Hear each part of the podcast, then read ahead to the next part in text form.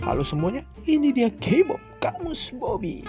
Kali ini Bobby bakal membahas tentang filosofi dua kata yang ngetrend saat ini, yaitu kata saham dan Bitcoin.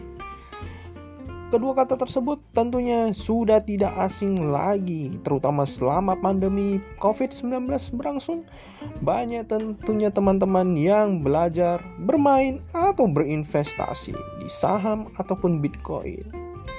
Di sini Bobby tidak akan menjelaskan uh, pengertian atau perbedaan dari saham atau Bitcoin. Namun kita bakal membahas secara filosofi katanya.